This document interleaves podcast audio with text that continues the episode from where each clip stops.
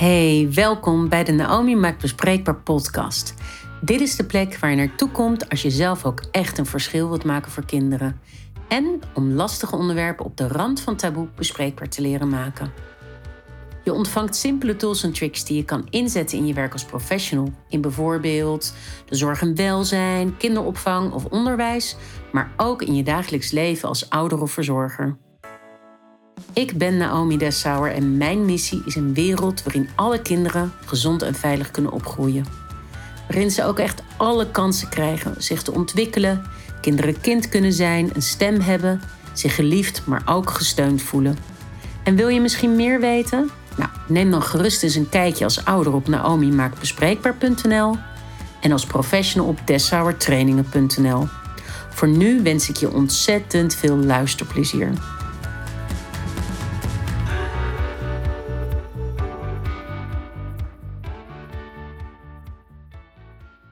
Vandaag heb ik een uh, bijzondere gast, vind ik. En ik kijk er echt naar uit om met jou in gesprek te gaan. Want vandaag ga ik in gesprek met Merel van Groningen. Merel, welkom.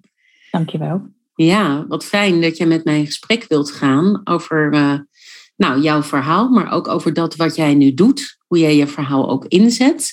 Mm En um, ja, ik wil eigenlijk vragen of jij jezelf zou willen voorstellen aan diegenen die denken: Merel van Groningen, daar heb ik echt nog nooit voor gehoord. Wie is dat? Ja, dat weet ik wel. Nou, graag. Nou ja, ik ben uh, Merel van Groningen, is eigenlijk pseudoniem, uh, pseudonieme naam. In 2008 heb ik mijn eerste boek uitgegeven over mijn ervaring waarin ik in de greep van een loverboy kwam. En samen met de uitgever hebben we toen besloten om dat niet onder mijn eigen naam uit te brengen, omdat ik al een nieuw leven op had gestart in een ander deel van Nederland.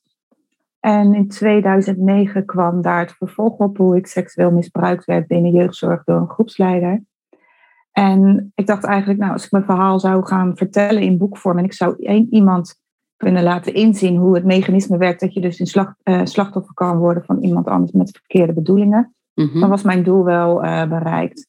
Maar eigenlijk na mijn tweede boek ben ik uh, voorzichtig lezingen op scholen gaan geven. Uh, er mocht geen media-aandacht gegeven worden, want dat wilde ik allemaal niet. Ik wilde niet in de media.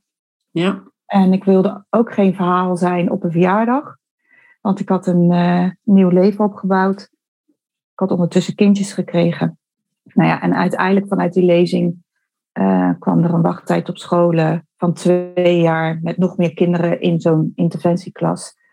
En toen kreeg ik echt het gevoel, ja, ik ben geen robot. Weet je, je wordt zelf ook heel de tijd uh, geconfronteerd met uh, andere jongeren die hun verhalen vertellen.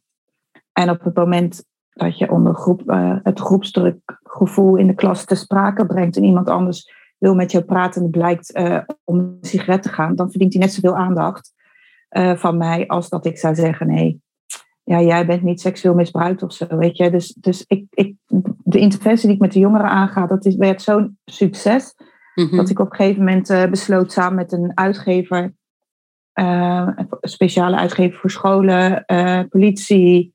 We hebben een interventie gemaakt zodat we hem breed uit konden leggen op scholen. Maar dat werd toen heel erg opgepakt door jeugdzorg. Dus we hebben hem laten erkennen. Ja. En in 2015 heb ik een nieuw boek geschreven met eigenlijk verhalen van de jongeren die in hetzelfde schuit zaten als ik. Mm En dat ehm, Daarin hebben we uh, politie, maatschappelijk werk, de Tweede Kamer, nee, alle, allemaal uh, mensen die betrokken zijn en expertise hebben in dit, in dit onderwerp, hebben hun feedback gegeven. Dus het is een soort handleiding geworden. Ja, voor... alle mensen die onderdeel uitmaken van die keten, zullen we maar zeggen. Ja, ja, tot aan ouders toe, want dat, is, dat wordt wel heel vaak uh, vergeten binnen de keten, daar horen ook echt de ouders zelf bij. Zeker. En ja, uh, ja dat, dat is wel, uh, daar wordt wel niet vaak bij stilgestaan. Hey, en misschien mag je ook al meteen het laatste, want er, wat is nou het allerlaatste wat je, wat je hebt gedaan, uh, Merel? Nou ja, ehm, door dat laatste boek wat ik net vertelde, ehm, is er de zedenwet gedeelte aan, of vernieuwd, laat ik het zo zeggen. Ons wetboek is natuurlijk heel erg verouderd. Dus dat heeft het bereikt. En uh, toen ben ik in 2017 gevraagd door een gemeente en een team mensenhandel, die samenwerkt aan de prostitutietafel, zoals ze het noem, zo noemden. Um, om met een paar meisjes in gesprek te gaan, omdat die onder invloed waren van een hele grote groep jongens en hadden aangifte gedaan, maar die werden geïntimideerd en ze waren bang. Dus dat mhm. zijn we gestart en dat werd eigenlijk een proeftuin tot 2020. En daarvanuit hebben wij uh, in, ik moet even nadenken, met de COVID ben ik een beetje de jaren kwijt. Volgens mij in 2020, maart 2020, hebben wij de mhm. foundation opgericht. Daar zijn we eigenlijk mee gestart om ervaringsdeskundigen op te leiden. Die worden eerst gescreend, want wij stellen best wel hoge eisen dat ze bij ons de opleiding kunnen doen. Mhm. En dat is dus vooral om te voorkomen dat ze of niet terugvallen of geen wervend gedrag kunnen vertonen naar jongeren waarmee ze gaan werken. En daar zijn we intussen al met drie groepen gestart. En nou ja, die blijft ook doorontwikkelen, deze uh, foundation, door eigenlijk ook op juridisch gebied dingen te gaan ontwikkelen in tools, in, in nou ja, heel breed eigenlijk de positie van het slachtoffer te verbeteren. En de ervaringsdeskundigen die bij ons opgeleid worden, zijn een coach op het moment dat ze klaar zijn. Hm. En coachen samen met de hulpverlening een nieuwe slachtoffer, zal ik maar zeggen, vanuit de nieuwe begeleidingsmethode. Die noemen wij de BUM-methode. Die zit ook, uh, de BUM, dat is begrip uitleggen en motivatie. Ah, BUN. Dus niet dun, maar BUN. B-U-N. En we zullen vast wel een mooiere naam of een afkorting gaan verzinnen. Uh, maar we zijn nu in de voorbereiding uh, van het erkenningstraject. We zijn nu de interviews aan het afnemen met de meisjes die wij coachen.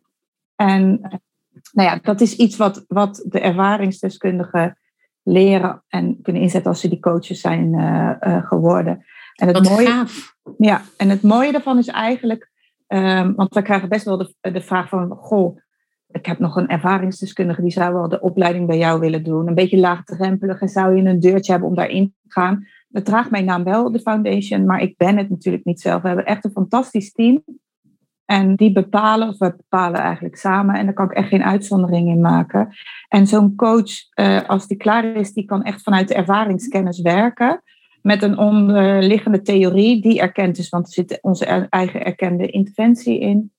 Het wraparound care model, dat is ook bewezen effectief. En ze krijgen een stuk uh, strafrecht, zodat ze het slachtoffer bij kunnen staan, maar niet kunnen beïnvloeden. Dus het is echt wel een hele pittige ja. Uh, opleiding. Waar ik enorm trots op ben hoor. Want uh, ja, het is En terecht volgens mij ook.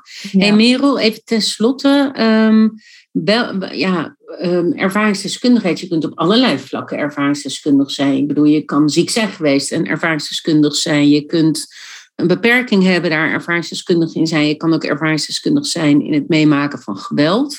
Ja. Uh, welke ervaringsdeskundigheid heb jij het precies over?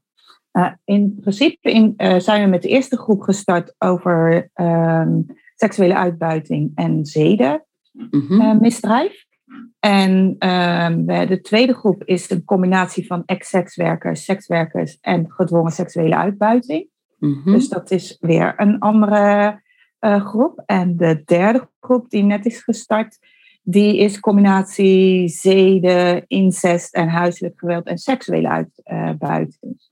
Oké, dus- kijk, want dan, dan ik kan me namelijk voorstellen dat er iemand luistert en denkt: hé, hey, ik heb iets heel pittigs meegemaakt. En ik zou daar best wel iets goeds mee willen doen. Ik zou mijn verhaal willen inzetten ten behoeve van andere slachtoffers. Hoe kunnen ze contact met je opnemen? Of moeten ze dan gewoon googlen op Merel Foundation? Ja, ja, ja, of Merel van Groningen, dan staat het gewoon op de site.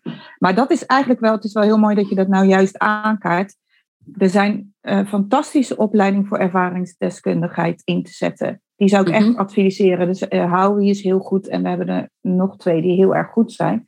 Dat, die is ook breed en daar gaat het echt om je eigen ervaringsdeskundigheid te inzetten. Maar wat wij doen is dat je eerst ook gescreend wordt. En uh, dat is wel belangrijk om te voorkomen dat je tijdens de opleiding niet een uh, trigger krijgt. Of, want er zit ook een psychotherapeut naast uh, de trainers die begeleiding bieden.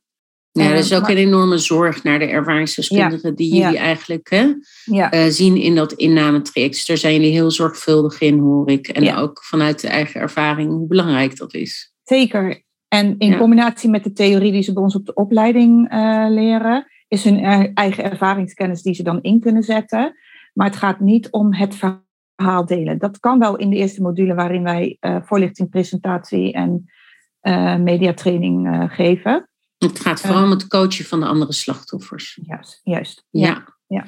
Oké, nou dankjewel. Volgens mij heeft iedereen meteen een heel breed uh, idee gekregen. En um, ik ga zo de eerste vraag stellen die ik eigenlijk altijd in mijn podcast vraag. Maar voordat ik dat doe, hè, mensen die luisteren nu hebben al wat thema's langs horen komen. Seksuele uitbuiting, seksueel misbruik, incest. Um, nou, dat zijn niet de minste thema's. Dat zijn ook thema's die niet allemaal, volgens mij incest niet, uh, volgens mij, maar ik ken jouw verhaal ook niet helemaal, Merel. Dus, uh, maar dat zijn in ieder geval thema's die ook schuren aan jouw verhaal. En uh, mm. ik ga jou straks ook vragen om een stuk van jouw persoonlijke levensgeschiedenis en hoe jij bent opgegroeid ook met ons te delen. Dus even aan de luisteraar, let ook goed op jezelf. Hè? Merel zei net ook het woordje triggers. Uh, het kan best dat je getriggerd kunt raken tijdens dit gesprek. Hè? Dus let goed op jezelf. Um, hè? Als je op een gegeven moment denkt, ik eh, kan niet doorluisteren. Er is niemand die zegt dat dat moet. Dus dan kun je ook gewoon stoppen. Of op een ander moment even verder luisteren. Haal af en toe even diep adem, maar zorg voor jezelf. Nou, dat wilde ik altijd even. Ja. Vind ik altijd even heel belangrijk om te zeggen. Want ik weet natuurlijk niet hoe iemand naar mij zit te luisteren en naar jou. En uh, nou, die zorg voel ik ook altijd. Ja, de eerste vraag die ik je ga stellen, Merel, is. En die stel ik eigenlijk altijd aan mensen die ik interview. Maar wat is echt een onderwerp in de maatschappij in jouw optiek die we echt schuwen? Dus waarvan we liever wegblijven, liever ons oog versluiten. Uh, een beetje struisvogelgedrag vertonen. Welk hmm. onderwerp staat dan voor jou echt hoog op de ranglijst? Nou ja, ik vind dat er op het moment, eh, we lezen best wel veel in de media over minderjarige uh, jongeren die seksueel uitgebuit worden. En mm -hmm. we hebben natuurlijk de wet die dat ook bepaalt omdat ze minderjarig zijn. Um, maar er zijn ook best jongeren die daar zelf voor kiezen, op wat voor reden dan ook. En ik vind dat de hele uh, uh, hulporganisaties of de organisaties die zich inzetten voor deze slachtoffers zo hysterisch daarop reageren. Um, en niet, er wordt gewoon vaak niet gekeken naar het slachtoffer zelf. Dat is al, um, als er dwang is, dan wordt daar over gesproken. Maar helemaal als iemand er zelf voor kiest om nou ja, uh, in de seksindustrie te gaan werken, dan lijken wij allemaal wel de reddings boei aan te trekken en te zeggen, wij mhm. moeten deze helpen, we moeten bewustwording maken dat dat niet kan en dat het minderjarig is en dat we dan niet spreken over uh, seks, uh, eigen keuze, omdat de wet dat uh, bepaalt. En dat klopt, maar de wet is natuurlijk ook verouderd.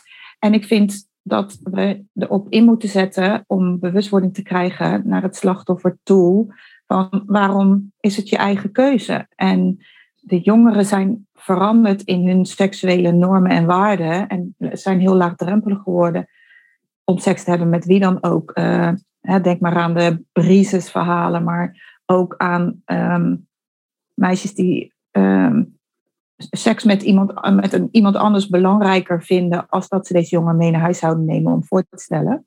Dus het, het, het, het is ook allemaal wel wat veranderd. Dus ik vind dat er echt wel een taboe heerst op slachtoffers. En gelukkig zijn het er niet heel veel. Uh, maar dat heb ik wel geleerd in mijn werk. Er zit ook een andere kant van het verhaal. En tuurlijk is er de wet die dat bepaalt dat ze minderjarig zijn. En tuurlijk zijn er allemaal organisaties die heel goed zijn, die ervoor staan voor hun belangen.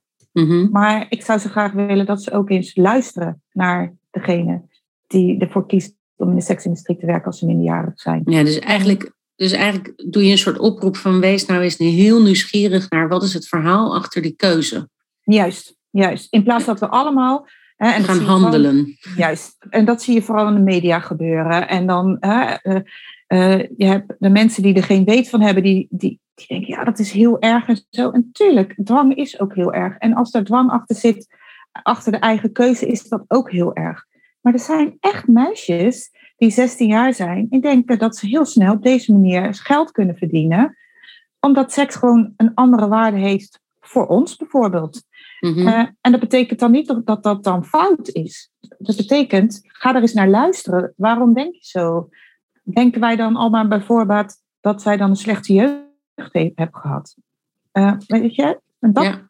er zit zo'n stigma altijd op de slachtoffers. Wij, wij vullen al in wat er aan de hand is. En zeg niet dat het de organisaties zijn ik denk dat dat de, mensen zijn. Ook ik, als ik uh, een nieuw meisje aangemeld krijg, moet ik daar zo objectief mogelijk in gaan staan om haar kant van het verhaal te horen. Ja, Maar, dat herken ik ook wel, hè? dat we heel snel toch heel veel aannames hebben, invullingen. En dat we heel vaak, zelfs als, als jongeren al gewoon de leeftijd hebben dat je heel goed met ze kan praten, dat toch vaak eigenlijk de jongeren of de kinderen eigenlijk overslaan in het proces. Dus hun regie daarin en hun verhaal is daarin heel belangrijk en leidend. Zeker als je 16 bent, dan ben je ook nog eens voor de wet leidend. Ja.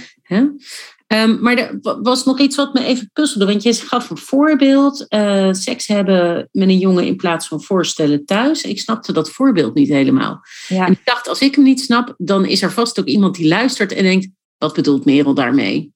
Ja, dat is goed dat je dat vraagt. Want ik ben echt een beelddenker en ik kan heel goed naar die situatie teruggaan. Dus ik snap dat, dat het dan even uitgelegd moet worden. Maar doordat jongeren, uh, en niet allemaal, maar veel wel, uh, seksueel laagdrempelig zijn, zo noem ik het altijd. Dat is ook de reden geweest dat ik dat boek in 2015 naar buiten heb gebracht. Zijn de waarden en normen van seksualiteit veranderd. Hmm. En um, wat we vroeger altijd zeiden, um, toen de, toen de loverboys nog in het hokje pasten met mooie cadeautjes. En ik, ik zeg altijd maar uit de hype-periode. Ja. Dan was altijd de belangrijkste tip: neem de jongen mee naar huis. Dan weten we wat we thuis hebben en, en weet je ook wat voor soort vriendje dat hebt dat gebeurt gewoon uh, heel weinig. Ze kiezen liever dat ze bij deze jongen gaan slapen zolang ze er nog mee bezig zijn.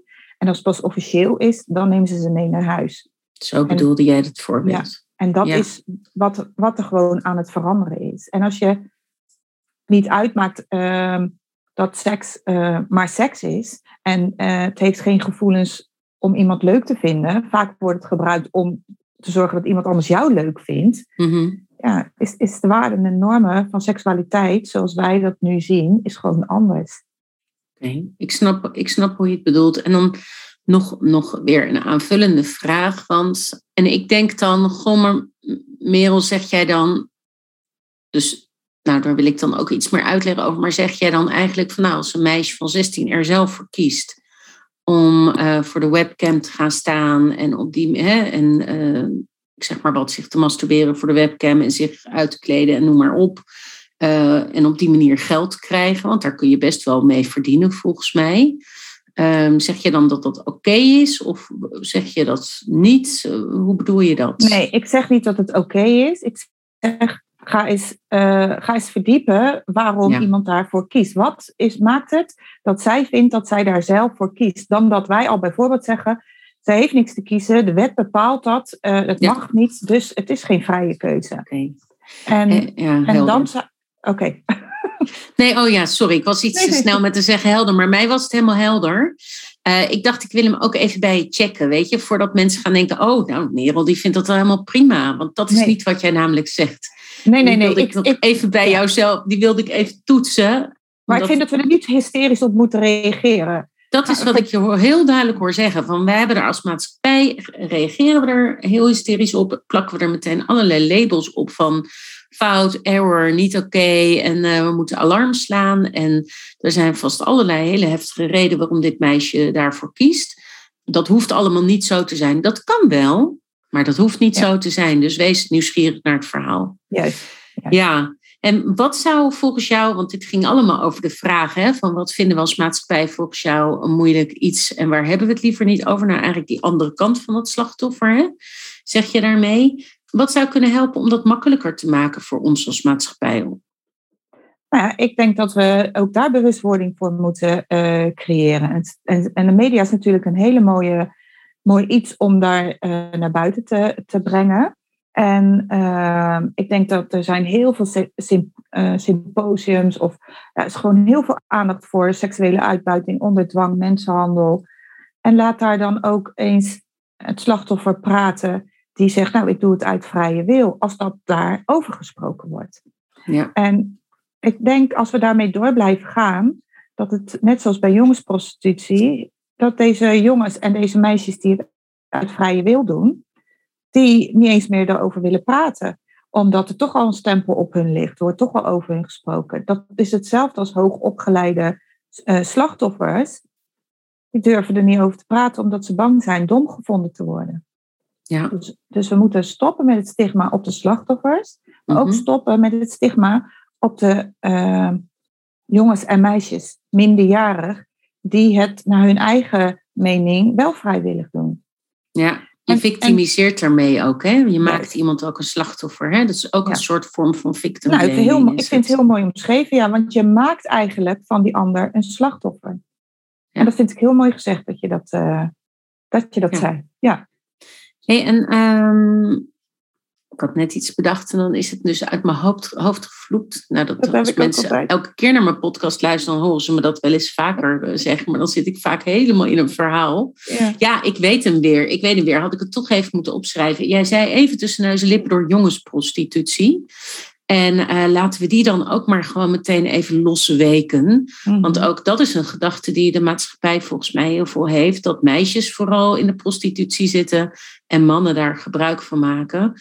En dan bij voorkeur ook 50-jarige eh, mannen die kalend zijn. En uh, nou, ik zeg maar wat. Hè. Nou heb ik een man die zelf bijna geen haar heeft. Dus als hij me dit hoort zeggen, dan denkt hij: Oh mijn god, Naomi, wat heb je nu weer gezegd? Maar um, ik wil maar zeggen dat ook dat uh, geëikte plaatje, dat doe ik dan even.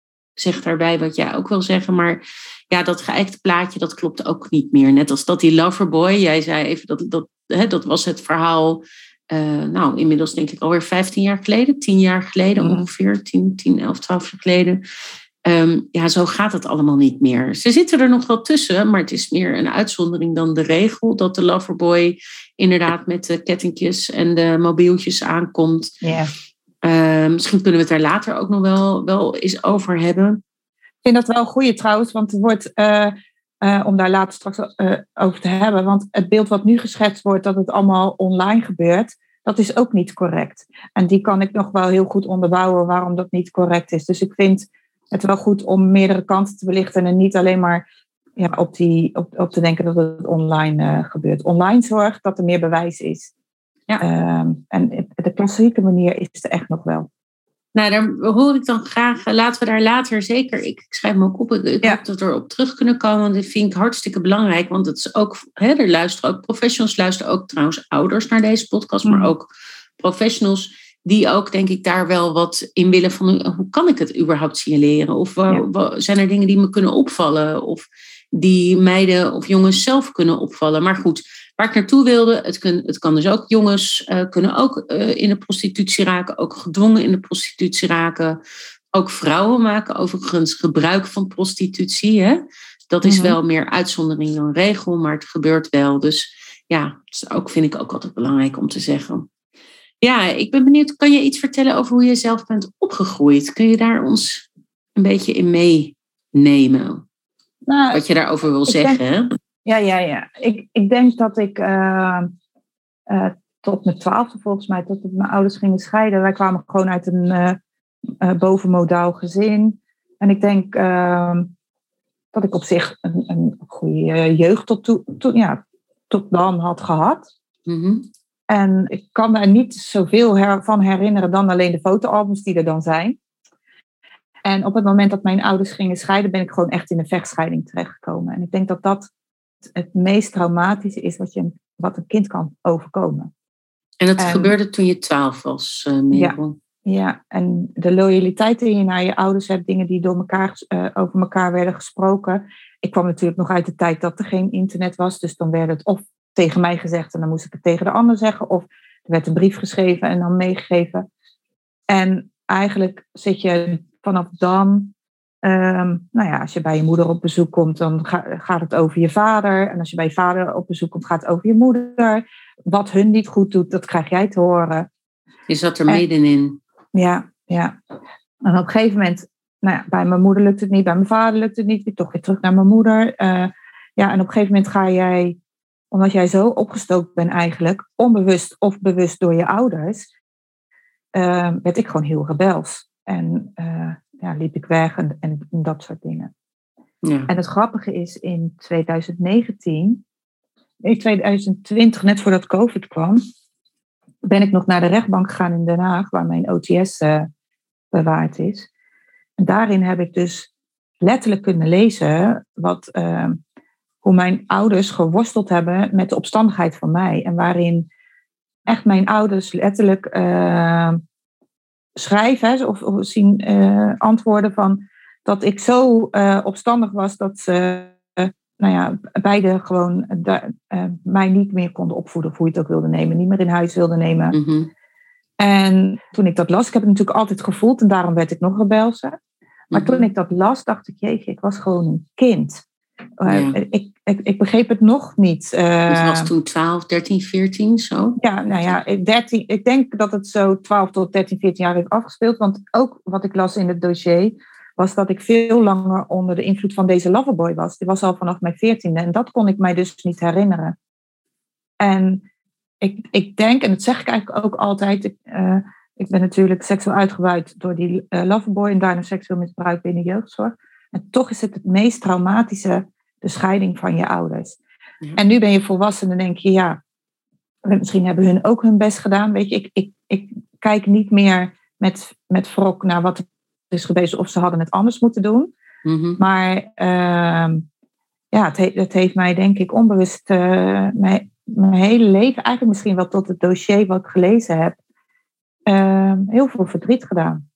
Dat ik zegt... altijd dacht van, hé, hey, het is mijn schuld wat er is gebeurd. Het was mijn schuld als mijn moeder bijvoorbeeld uh, boos werd als mijn vader weer iets had gezegd. Je zit er altijd tussenin. Dus je denkt altijd, het is mijn schuld als kind. En nu las je in het dossier, het is niet jouw schuld.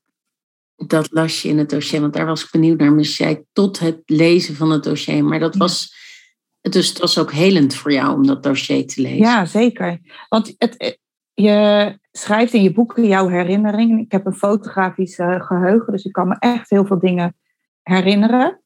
Maar ik had ook wel heel veel vragen. Van, uh, hoe kan het dat ik heel lang uh, bij deze Mike heb kunnen blijven? En dat als het in je dossier staat, ja, dat, dat, is, dat werkt enorm helend. En Mike is de naam van de loverboy, ja, waar je ja. zo waarschijnlijk weer over gaat vertellen. En, ja.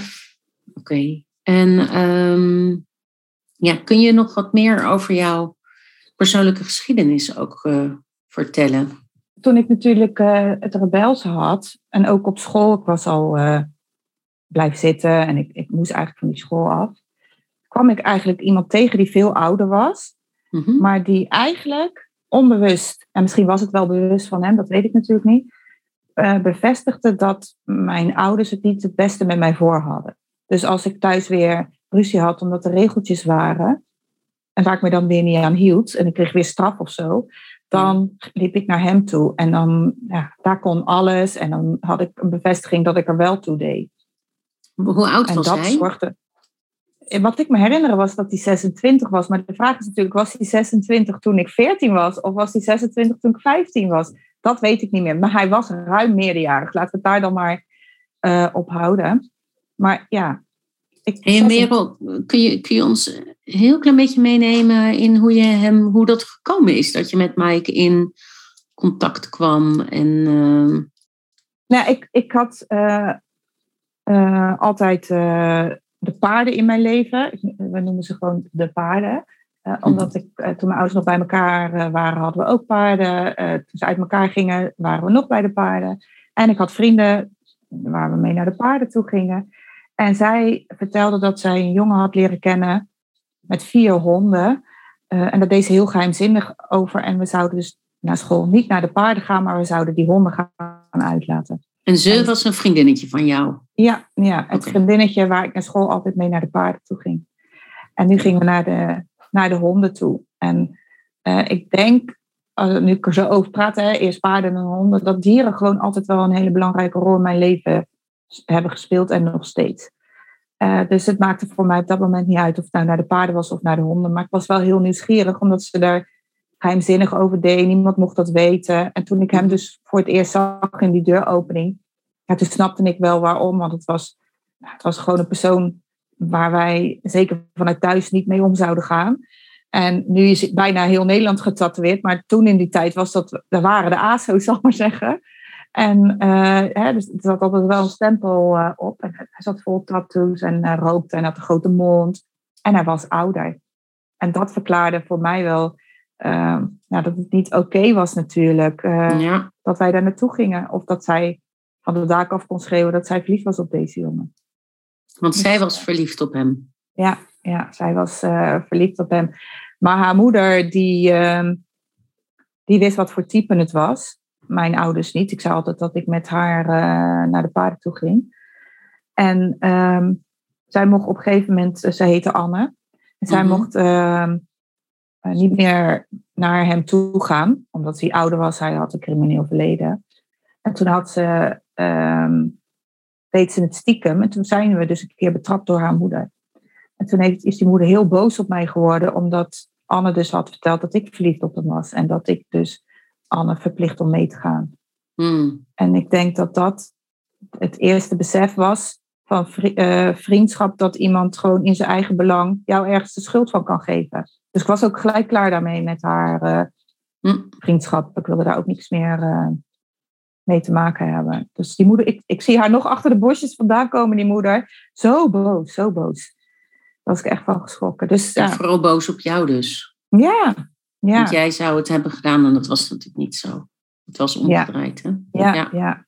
Nou ja, en, ja. Het, zo- en op een gegeven moment ga jij Mike niet meer zien als iemand die ouder is. Of Mike niet meer zien die vol tatoeage zit of het crimineel is. Of dat, dat zie je niet meer. Jij ziet alleen, hé, hey, wat er ook is. Als ik ergens mee zit en ik kom naar hem, ziet hij mij staan. En niet eh, ziet mij staan als eh, meisje van 14, maar gewoon om wie ik ben. En dat was echt wel eh, ja, heel belangrijk. En iets wat jij miste op andere plekken in jouw leven. Ja, zeker. Op dat zeker. moment. Ja, ja. Dus hij vulde ook een beetje een, een gemis misschien. Op dat moment. Ah, ja, ehm, Kan ik dat zo zeggen? ja, ik heb daar wel eens over nagedacht. Hè, van, eh, zou hij grip op mij kunnen hebben omdat ik bepaalde dingen heb gemist? Dat weet ik niet. Maar ik denk dat je het belangrijkste wat je mist is gezien worden als persoon. En ik denk elk persoon wil gezien worden om wie die is. Ja, dus het gemis, ja, ik vind gemis te breed om het specifiek zo te kunnen noemen. Ja. Maar ja, mensen zeggen vaak hè, dat je dat. eh, de, eh, althans, we, we, ik zeg het namelijk ook in mijn trainingen. Hè, eh, het gaat over risicofactoren, beschermende factoren. En dat, ja, ja, als je bijvoorbeeld minder zelfvertrouwen hebt. of eh, minder gezien voelt in je leven door je ouders of op school of door vrienden. of je wordt gepest bijvoorbeeld, waarin je steeds hoort dat je bijvoorbeeld niks waard bent. Ik, Ja. zeg, ik zeg maar even wat, hè. Dan, dan weten we wel dat kinderen natuurlijk meer risico ontwikkelen op het meemaken van zoiets als bijvoorbeeld in dit geval gedwongen prostitutie. Ja. Of laat ik hem nog even ervoor plaatsen, verliefd worden op een jongen die wat meer risico eh, met zich meebrengt. Ja. Dus een risicovolle partnerkeuze zouden we het wel kunnen noemen. Ja, ik Dus vind het heel mooi genoemd. ja. Want het is heel vaak, weet je, we gaan nou allemaal bij het slachtoffer risico's eh eromheen gaan eh, zoeken van wat, wat, wat eventueel risico zou kunnen geven. Maar ik vind het zo mooi dat er ook aandacht zou zijn aan degene die dat het, het slachtoffer aan zou, zou doen. En een risicovolle partner vind ik heel mooi uitgedrukt. nou, dankjewel. Dankjewel. Ja, Ja, ik vind nou sowieso altijd wel heel erg belangrijk om heel helder te maken dat hè, er zijn risico's waarom een kind of een volwassene eh, meer kwetsbaar is om in eh, aanraking te komen met seksueel geweld. Maar uiteindelijk is de, de schuld ligt nooit bij het slachtoffer. De schuld Nee. ligt altijd bij degene die het seksueel geweld doet. Ik vind alleen dat het eh, discutabel is of hè, dat we er nog langer over moeten praten als het gaat om twee kinderen. Mhm. Hè, dan vind ik het moeilijk om te spreken over dader en slachtoffer. Ja. Dan vind ik ook, het kind is ook een slachtoffer. Maar nou, vind ik altijd heel belangrijk. Het gaat ook weer Mhm. over die victim blaming en eh, de schuldvraag. Hè, we kunnen wel helpen de risico's zoveel mogelijk te verlagen. We kunnen helpen zoveel mogelijk bescherming rondom kinderen neer te leggen. Dat hopen we sowieso altijd. Dat kinderen natuurlijk met een soort beschermjas opgroeien. Ja. Maar je kunt nooit het helemaal voorkomen. En het is ook niet dat je later kan zeggen... nou, had je maar meer bescherming om je heen moeten hebben. Juist, juist, juist. Ja. Hè? Dus ja. dat... eh, Is er nog iets wat je verder wil vertellen? Want hoe is dat gegaan? Want ik hoor... Ik ken je verhaal natuurlijk een beetje. Dus dan is het de neiging om te denken... nou, helder. Maar voor de luisteraars die het verhaal niet kennen... is het natuurlijk niet helder. Want het is helder dat je eh, op een gegeven moment... dus met Mike in aanraking komt. Ik begrijp dat je op een gegeven moment verliefd bent geworden op Mike. En Mike op jou. Of, of Ja, ja, nou ja, dat denk ik wel. Uh, dan krijg ik ook vaak de vraag, hè, was je echt verliefd op hem? En ehm, dat denk ik wel. En soms denk ik van niet. Dus ik denk dat hoe mijn pet staat die dag, dat ik denk ja of nee. Ja, of nee. Het, want het is heel verwarrend wat er allemaal is gebeurd. Uh, maar, hij, heeft, ehm, hij heeft in ieder geval grip op jou gekregen. Op ja, zeker. Moment. En, hoe is dat? Uh, nou, Sorry. nee, dat geeft niet. Als je op een gegeven moment ja, denkt dat je thuis, dat ze alleen maar het slechte met je voor hebben. Of laat ik het zeggen, als er thuis alleen maar spanningen zijn. Dat is denk ik het beste, want het, draait er niet om wat ik denk of wat goed of fout is. Maar als er spanningen zijn en je kan ergens naartoe waar het gezellig is en geen spanningen zijn, mm hadden mijn ouders op een gegeven moment wel door van, nou ja, wij hebben niks, eigenlijk bijna niks meer te zeggen. En uh, toen zijn wij in gesprek gegaan. Ze hebben toen contact opgenomen met jeugdzorg. En zei ze, nodig vooral deze jongen uit en ga niet uh, zeggen hoe, goed of slecht hij is. weet je, accepteer het gewoon. maar zij zagen mij steeds meer afgeleid. Dus wij hebben een gesprek gehad. En wij is dus ik en mijn, ik zeg altijd mijn ouders, maar dat is mijn moeder en mijn stiefvader. En waar we tot de conclusie kwamen dat misschien een uithuisplaatsing, vrijwillig, uh, op een uh, instelling van jeugdzorg misschien wel de oplossing zou zijn. En ik ben daar gaan kijken en het was eigenlijk na de zoveelste ruzie thuis dat we hiermee kwamen. En toen had ik gezegd, nou, uh, ga ik daar een keer kijken. En ik vond dat fantastisch daar. ik voelde me gezien. Uh, er waren wel regels, maar dat had meer met corvée-taken te maken en dat soort dingen. Er was een sociale school op het uh, terrein. Um, en ik had het idee dat ik er mocht zijn wie ik was, dus dat het om mij draaide. Natuurlijk zou er wel, er was, werd gewerkt aan de thuissituatie, maar ik mocht gewoon zijn wie ik, wie ik was. Mm-hmm. Dus um, ik had een goed gevoel voor de plaatsing zou komen. Ik heb toen in de tussentijd bij een vriendin van mijn moeder in huis gezeten om gewoon te zorgen dat die spanning dan ook echt weg was. En dat was gewoon heel fijn uh, dat dat kan. En dat juich ik ook echt toe aan slachtoffers nu, zal ik zeggen, van, uh, van Loverboys. Van, ja, als er een mogelijkheid is om binnen het gezin te kijken of binnen de familie, waar even een time-out kan gegeven worden, in plaats dat tegelijk naar een instelling zouden moeten, mm is dat fantastisch. Het heeft mij heel erg geholpen. Maar die instelling hielp mij ook heel goed. En eigenlijk uh, bracht dat rust ook binnen uh, het gezin van mijn ouders. En ik ging op weekendverlof en dan mocht ik naar Mike toe. Dus er was gewoon, het was wel een beetje relaxed, zal ik maar zeggen. En toen werd het zomervakantie. En, um, en eigenlijk groeiden Mike en ik steeds meer naar elkaar toe. En jullie waren eerst vrienden of kregen jullie al ook een relatie? Ja, wij kregen wel een relatie met elkaar. We werden een setje. En ik, en ik denk dat mijn ouders op een gegeven moment zoiets hadden van, nou dat gaat vanzelf wel. Hè. Ze, ze is ver weg, dus dat gaat vanzelf wel uh, over. Het hebt wel uh, weg. Ja, zeg maar. ja. En nou ja, totdat de zomervakantie begon. En ik, uh, nou ja, een week, ik ging een week op ponykamp. Ik ging een week bij mijn moeder thuis, maar dan sliep ik vooral bij die vriendin van mijn moeder.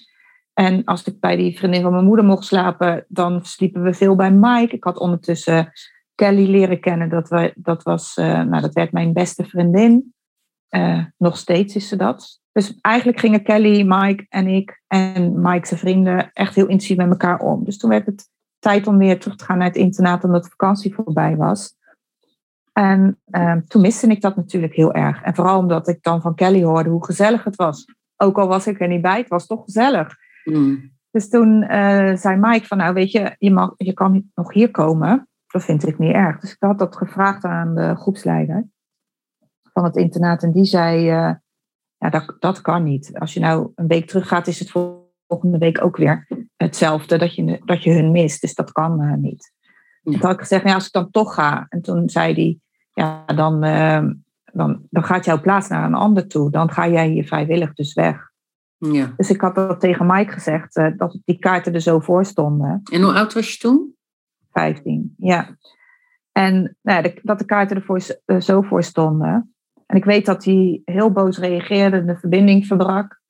En ik was teruggegaan naar mijn kamertje en, ik luisterde wat muziek. En voor ik het wist, hoorde ik gewoon uh, piepende banden op het terrein. En ik uh, ging kijken. En ik zie dat beeld nou ook gelijk weer voor me. In de, in de gang van de paviljoen waar ik zat, was Mike met zijn vrienden aan het vechten met die groepsleider. En om jou daaruit te halen. Ja, En die met die groepsleider had met een stang van een stofzuiger had hij een van zijn vrienden, van Mike's vrienden, bewusteloos geslagen. En op dat moment trok Mike een vuurwapen. En toen, uh, maar dat, dat, gaat zo, dat gaat zo snel. En je kan, elk detail kan je gewoon nog herinneren. En toen ik dus dat ook... een van de groepsleiders werd met een slang geslagen door een vriend van nee, Mike? Nee. Een van de groepsleiders sloeg die vriend van Mike met een stofzuigerslang uh, knock-out. En Uit zelfverdediging. Ja, en toen trok Mike een wapen. Nou, en dan gaat het heel snel. Dan moest ik meekomen. Uh, je ziet de groepsleider van een andere paviljoen, want het was midden in het bos. Zie je uh, aankomen. Ik heb de politie gebeld. Heel veel jongeren komen uit hun paviljoens. Er waren vijf paviljoens. Het, het, het midden speeltuin, ja, ik weet niet hoe het heet. Mm Waar zag je opkomen. En de politiebus kwam. En ze hebben op dat moment uh, gekozen, en dat, dat wist ik niet. Uh, dat wist ik niet zelf op dat moment, maar dat heb ik later gehoord, om mij te laten gaan, om de veiligheid van de andere jongeren uh, boven, voorop te stellen, omdat ze bang waren dat er geschoten werd. Dus toen uh, ben ik meegegaan. En, Hoe was dat voor jou? Het lijkt me een super beangstigende situatie. Ja. Of had het ook iets heldhaftigs of zo? Nou, ik voelde me wel. Ik, aan de ene kant voelde ik me vereerd, zo van ehm, dat iemand de moeite voor mij deed, omdat ik heel graag iets wilde, in plaats dat ik altijd maar afgewezen werd. Dus dat, dat voelde het. Maar uh, ik denk dat je op die leeftijd ook niet verder kan kijken wat de gevolgen zijn. Ik dacht alleen, ik weet nog dat ik in de auto zat dat ik zei, ja, maar ik wil wel naar school. Wie denkt er nou aan school op dat moment? Maar dat, dat kan ik me dus heel erg herinneren. Ja. Dat ik dacht, nou, dan neem ik mijn verantwoording. En ik dacht ook echt, nou, dit is het dan. Hier moet ik het beste van maken. Thuis ging niet meer. Nou, op het internaat was ik, dat ging niet meer, want ik was weg. Mocht niet meer terugkomen. dus ik ga naar Mike. Ik ben met Mike. Ik ben met Mike, ja. En hoe kom je dan uiteindelijk in een gedwongen prostitutie terecht? Want dat is ook met Mike gebeurd, hè? Ja, ja. Nou ja, ik, uh, ja je ouders worden natuurlijk gelijk gebeld uh, door het internaat. En mijn moeder was op vakantie en die belde de volgende ochtend gelijk op. En zij zei, als jij niet bij hem weggaat, dan trek ik mijn handen van je af. En nou ja, later, weet je, gelukkig ook door al die dossiers wat ze hebben bewaard, dat dat mhm. voor haar betekende van de hoop dat ik dan zou zeggen: nee, nee, ik kom wel naar huis. Weet je? Ja. Maar dat, dat gebeurde er niet. Ik dacht, nou, maar ik heeft toch gelijk, zie je? Ja. Dus, uh, nou ja, en achter de schermen is zij natuurlijk met politie, met de Raad van de Kinderbescherming, van alles is er gebeurd, heeft ze allemaal in, in uh, werking gezet. Mm En in het begin denk je, nou, dat is leuk, uh, lang leven de vrijheid. nou, en dan kom je erachter dat er geen, dat er geen geld is. Dat hij altijd dronken is. En als er geld was, ging dat naar bier of koffie, want soms moest hij koffie hebben. Er was geen zeep om je te wassen, er was geen wc-papier. Dat wist je uh, daarvoor allemaal niet? Nee, nee. Want dan woon je daar. Er was geen anticonceptie, er was geen maandverband, er was, was gewoon niks.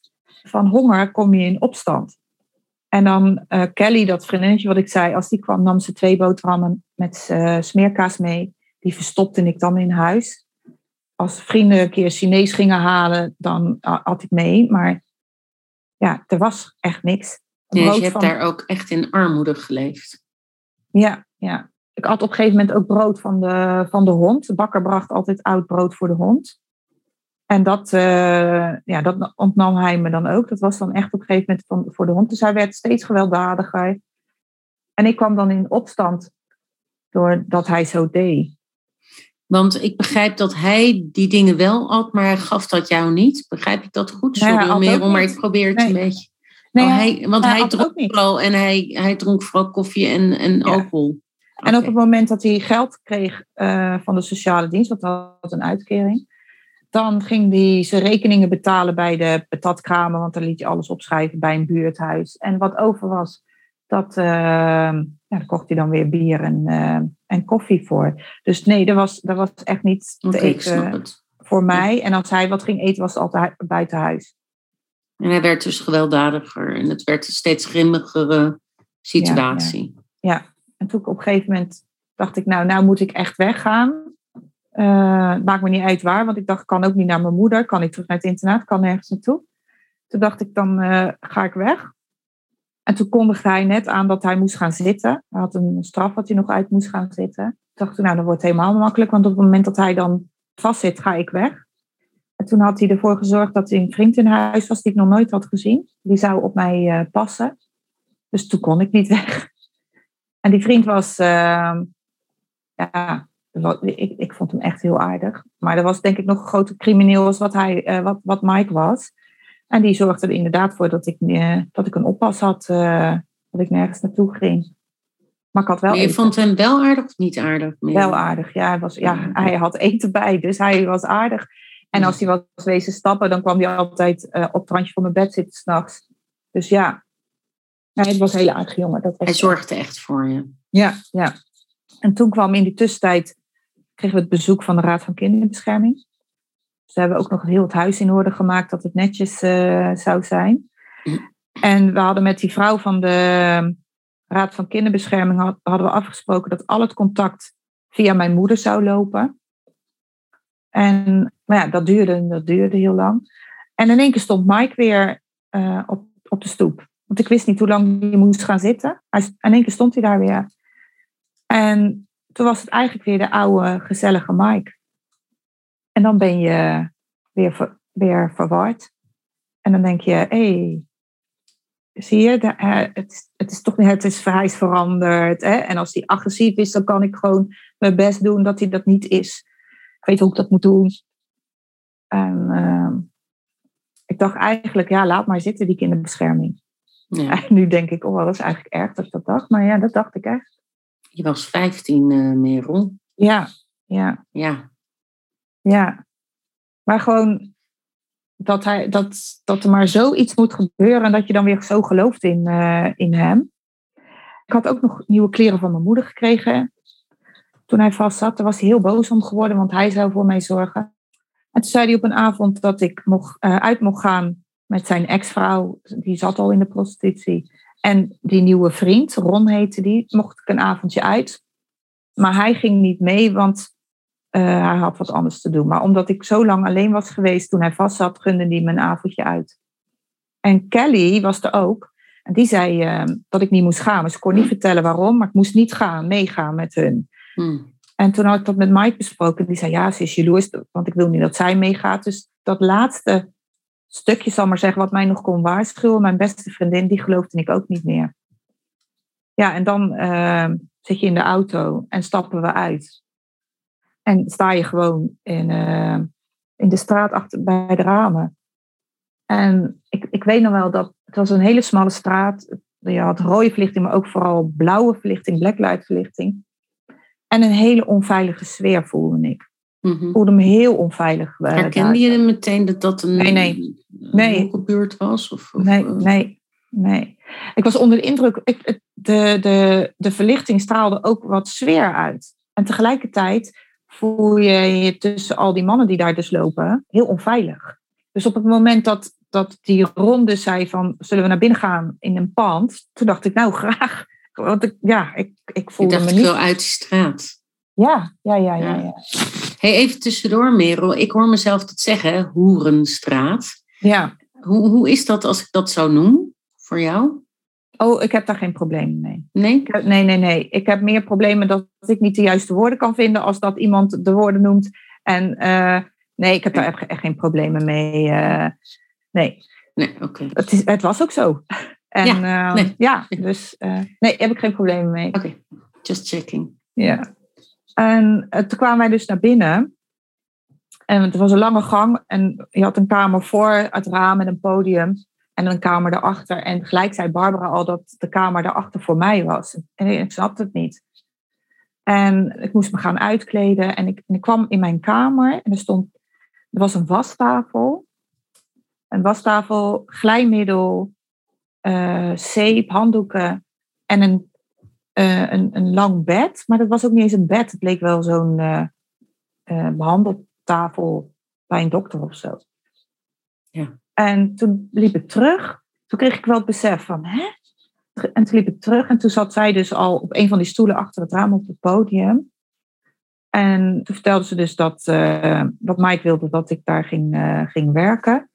En die, en die avond, ik heb, nog, ik heb op de stoel gezeten. Of ik ben op de stoel gaan zitten, laat ik het zo zeggen. En uh, er komt van alles voorbij. En op een gegeven moment was er zelfs een, een groep jongens die gaan onderhandelen.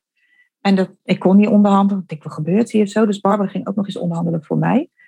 En, je, en besef dat je maar 20 euro waard bent, maakte mij heel erg misselijk. Dus ik, elke keer als er dan weer iemand.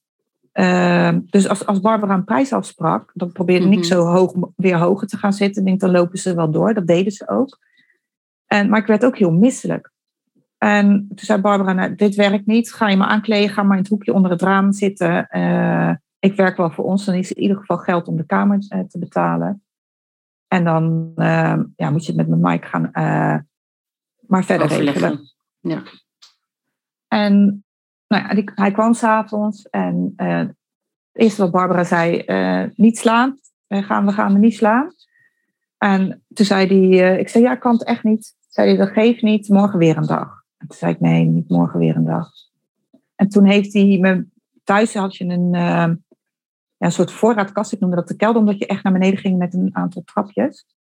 En er zat ook geen voorraad in die kast van eten of wat dan ook. Maar wel onder de pootjes van de trap had ik uh, brood verstopt van Kelly. En er was één klant toen die avond wel binnen geweest. Die zag dat ik minderjarig was. Die had me geld gegeven, had ik verstopt in mijn schoen. En um, en toen zei hij, nou je komt er niet uit, je krijgt ook geen drinken meer. En als je geen eten hebt en dan ook nog geen drinken, met drinken kan je je buik niet stil krijgen of je maag niet voelen. En hij bedreigde mijn moeder dood te maken. Ik dacht, ja, weet je, dat is, dan is het ook nog iets mijn schuld dat hij. Uh... Dus het ontvlamde meteen in een hele korte. Ja, ja. Ja, er is natuurlijk een aanloop geweest waarbij hij steeds agressiever werd en drinken en noem maar op. Ja. Maar dit ontvlamde dus heel snel. Dit nou ja, het, het, drinken is eigenlijk. Kijk, het, het bedreigen van mijn moeder deed hij al eerder. Maar het drinken, als je drinkt, zou je bij wijze van spreken nog je emoties weg kunnen drinken. Of weg kunnen spoelen. Of, of wat. En het drinken is best wel. kan je veel dingen mee doen. En als dat er dan ook niet is. En je bent uitgeput. Dus um, ja, en je denkt dat Kelly. Ja, dat heb je ook al verpest. Ik weet nog dat Kelly s'avonds kwam en dat ze vroeg waar ik was. Maar ik zat in die kelder en dat, toen zei hij, ja, ik weet niet waar ze is, is weggelopen. Dus alles was ik kwijt. Ja. Ja, uiteindelijk uh, heb ik uh, drie maanden daar dus um, in die hoerenbuurt, zoals jij ze noemt, heb ik moeten werken. Totdat ik opgehaald werd door de politie. En later ga je denken, hoe kan dat? Weet je wel, hoe kan je als 15-jarige zo lang daar zitten? Ja, want je zat en, ook echt voor het raam. Dus ze hebben je ook echt wel ja. kunnen zien waarvan ze misschien konden afvragen: goh, is dit meisje boven de 18 of onder? Ja. Ja. En ook, is dit een meisje die wil? Ja. Of is dit een meisje die gedwongen wordt? Hè? Want ook bij een meerderjarige vrouw, hè, dat doen ze tegenwoordig, checken ze dat veel meer. Ik weet niet of ze dat altijd goed checken, maar ze checken het. Mm -hmm. uh, hè, daar is denk ik nog heel veel over te zeggen. Maar uh, ja. ja, natuurlijk heel belangrijk om, om dat na te gaan. Ja, ja en, dat, en dat komt toen allemaal. En op het moment dat de politie mij op had gehaald, ben ik ook alles kwijtgeraakt. Al mijn spullen lagen natuurlijk bij Mike. Alles was ik, uh, was ik kwijt. En dat, dat, was echt wel een nieuwe start. En uh, ik heb heel lang gedacht, hoe kan het als een kinderbescherming komt, in de tijd dat hij dus vast zat, en toch dat ik drie maanden nog in de prostitutie heb kunnen werken, hoe kan dat? En het grappige is, mijn moeder had mijn OTS'en bewaard. Er staat een dossiernummer op. Ik ben er dus in de tijd dat ik dus Merel was en mijn boeken had uitgebracht, ben ik erachter gekomen dat de oud-nationaal rapporteur mensenhandel bleek ja, mijn kinderrechten te zijn. Ja. ja. En um, dus zij gaf mij toen ook de tip van ga eens naar het rechtbank, uh, naar het archief. Ook bij de kinderbescherming. Nou, de, van de kinderbescherming, dat is er niet meer. Maar de OTS'en en van de rechtbank, dat is er allemaal wel. En daar zitten allerlei papiertjes in. Dat had ze ook allemaal uitgelegd wat dat betekende. Mm -hmm. En daar kwam dus ook uit dat een onderzoek van de Raad voor Kinderbescherming duurt een half jaar. En mijn moeder had op een gegeven moment gezegd, stoppen. Dan maar mij uit de ouderlijke macht. Het moet stoppen. En toen is die OTS dus uh, in werking gezet. Zij heeft de ouderlijke uh, macht afgegeven. Mm. En vanuit de OTS is er dus een veilige plek gevonden. En uh, waar ik naartoe kom. En dat was het grootste probleem. De politie zei tegen mijn moeder: We kunnen er ophalen. Zeg maar waar ze naartoe. En waar, ja, waar moest ik naartoe? Als je al denkt als ouder dat op een internaat veilig zou moeten zijn. En hij haalt me daar al weg. Ik kan niet meer thuis wonen. Mijn vader is geen partij dus meer. opties waren eigenlijk een beetje op. En ik weet ook achteraf hoorde ik dat de, een jongste broer van mijn vader is in zijn pauze helemaal uh, door die wijk gaan zoeken waar ik zou zijn. Omdat hij had gehoord in welke problemen ik zat. Uh, maar iedereen ja, was voor de veiligheid van mij, omdat ze wisten wie hij was. Dus ze wilden hem ook niet in gevaar brengen. Maar die is mij gewoon in zijn pauze gaan zoeken. Dus mm. achteraf hoor je dat niet zij, mijn moeder, de handen ervan af had getrokken, maar alles in, uh, ja, in werking had gezet. Om, maar dat was wel je gevoel op dat moment. Hè? Ja, ja, ja, ja, ja. Een van de signalen wat ik altijd zeg, als je blijft communiceren met elkaar, hè, ook al ben je het niet met elkaar eens, dan is die verbinding er nog. Ja, want en, isolement, dat, hè, dat is echt wel een, een, ja. Ja. een hele, nou, een katalysator misschien. Ja, ja. En als ik nou had blijven communiceren met mijn moeder. Kijk, als het bestaat niet, dus, en het is ook niet zo gegaan. Maar later hoorde ik ook dat ze helemaal niet bang voor hem was. En dacht ik, jeetje, als, ik nou, als we met elkaar hadden gesproken, in plaats zo tegen elkaar in waren gegaan, dan had ik misschien wel kunnen denken, maar mijn moeder is toch niet bang voor jou. Ja, maar nu, uh, ja, maar goed, dat kan je niet veranderen. Het is zo gegaan zoals het is gegaan. Maar ik vind wel, het, uh, ja, Ik, vind, ik vind het zo mooi dat jij eh, steeds vertelt over dat je ook terug bent gegaan hè, naar de archieven en hebt gekeken in je dossiers. En dan moet ik heel erg denken aan wat ik altijd tegen mensen. Nou, ik geef trainingen hè, aan aandachtsfixatie, huisgeweld, kindermishandeling leid ik op. En ik heb allerlei andere trainingen. Dan gaat het natuurlijk ook heel vaak ook voor dossiervorming. Ik vond dossiervorming, rapporteren, vond ik echt. Ik ben maatschappelijk werker van oorsprong. Dat vond ik echt een crime. Ik weet nog dat ik echt al die tentamens die we daarover hadden, dat vond ik echt vreselijk. En ook in het begin dat ik werkte bij Bureau Jeugdzorg, vond ik het echt een crime. Want er ging ook heel veel tijd op. En dan moest ik zo puzzelen over de goede hypotheses en noem maar op. Totdat ik een koppeling heb gemaakt in mijn hoofd. Dat ik ben gaan bedenken, maar voor wie schrijf ik nou eigenlijk? Ja. En dat is wat ik ook altijd in mijn trainingen aan mensen zeg. Ik ben op een gegeven moment gaan schrijven voor, de, voor het kind. Mhm. Voor de jongeren, zodat ze het terug kunnen lezen als ze 18 zijn. En dat heb ik altijd in mijn gedachten gehouden. En toen werd rapporteren opeens, ja, het klinkt een beetje gek om te zeggen, maar een soort feestje.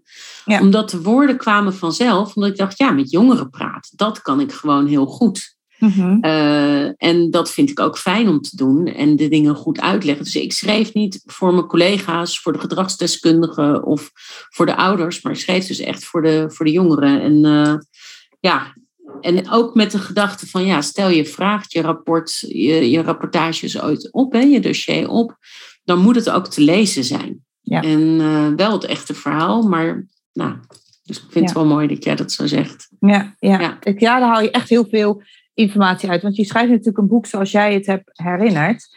En uh, ik heb er ook zeven jaar over gedaan, over dat eerste boek. Uh, en dan ga je iets persoonlijks geven. En dan ga je ook de feedbacks lezen. En er staat er gewoon best wel veel van. Ah, het klopt niet, of het kan niet, of ongeloofwaardig. En dan is zo'n dossier, ook al is het zoveel jaren later, ja, gewoon uh, helpend. Dat is echt waar. Ik vind het echt jammer dat het niet van de Raad van Kinderbescherming er meer is. Maar ja, dat is dan maar zo. Dat is van papier naar digitaal niet meer goed gegaan. Maar in het archief van de rechtbank heb je echt gewoon een dossier. En er zitten alle papieren gewoon in. Dus het is niks digitaal. Maar fijn dat dat er dan gewoon is en dat dat dus ook uh, missing links of zo legt, of gaps of noem maar op. hey Merel, jouw verhaal, hè? het is zo'n, nou ja, indrukwekkend verhaal ook. Het is al indrukwekkend omdat je het gewoon ons vertelt. En vaak worden dit soort verhalen niet verteld, die horen we niet vaak. We weten dat het bestaat, althans ik weet, ik weet heel goed dat het bestaat, maar we horen het niet vaak. Ik uh, zou er nog wel 3000 dingen over kunnen vragen, maar dat kan ik niet doen, want straks overspoel ik degene die luistert met 6000 vragen. En ja, dat gaan we gewoon niet halen. Ja, misschien wel goed om te vertellen, en dat heb ik je ook wel al eens verteld buiten de podcast om, maar misschien goed om het ook hier even te noemen, ook voor degenen die nu luisteren, dat ik bezig ben om een serie te maken over uh, gedwongen prostitutie. Ik heb een moeder uh, begeleid die zelf uh, in de gedwongen prostitutie heeft gezeten, daaruit is gekomen. Ja, jij bent dat ook, maar zij is ook een heel toerwijf, uh, zeg maar echt een overleveraarster, vind ik er. Geen slachtoffer, maar een overleveraarster. En nou, we gaan rondom haar verhaal, ben ik samen met uh, Comensa, het coördinatiecentrum Mensenhandel, ben ik een serie daarover aan het maken. En ik was wel, nou, nog een paar dingen hoor. Ik wil zo nog aan je vragen van, goh, wat, wat van jouw verhaal heb je nog niet verteld, maar maakt, mist echt als dat niet verteld is? Dus die ga ik je zo nog vragen. Ehm, maar ik ben ook benieuwd. Hè, er zijn zoveel dingen die ik je nou nu nog wel zou willen vragen over alles wat je hebt meegemaakt. Wat zou voor jou in zo'n serie niet mogen ontbreken? Dus wat moeten professionals nou echt weten? Of ouders, verzorgers, uh, jongeren zelf misschien, echt hierover weten en zou niet mogen missen?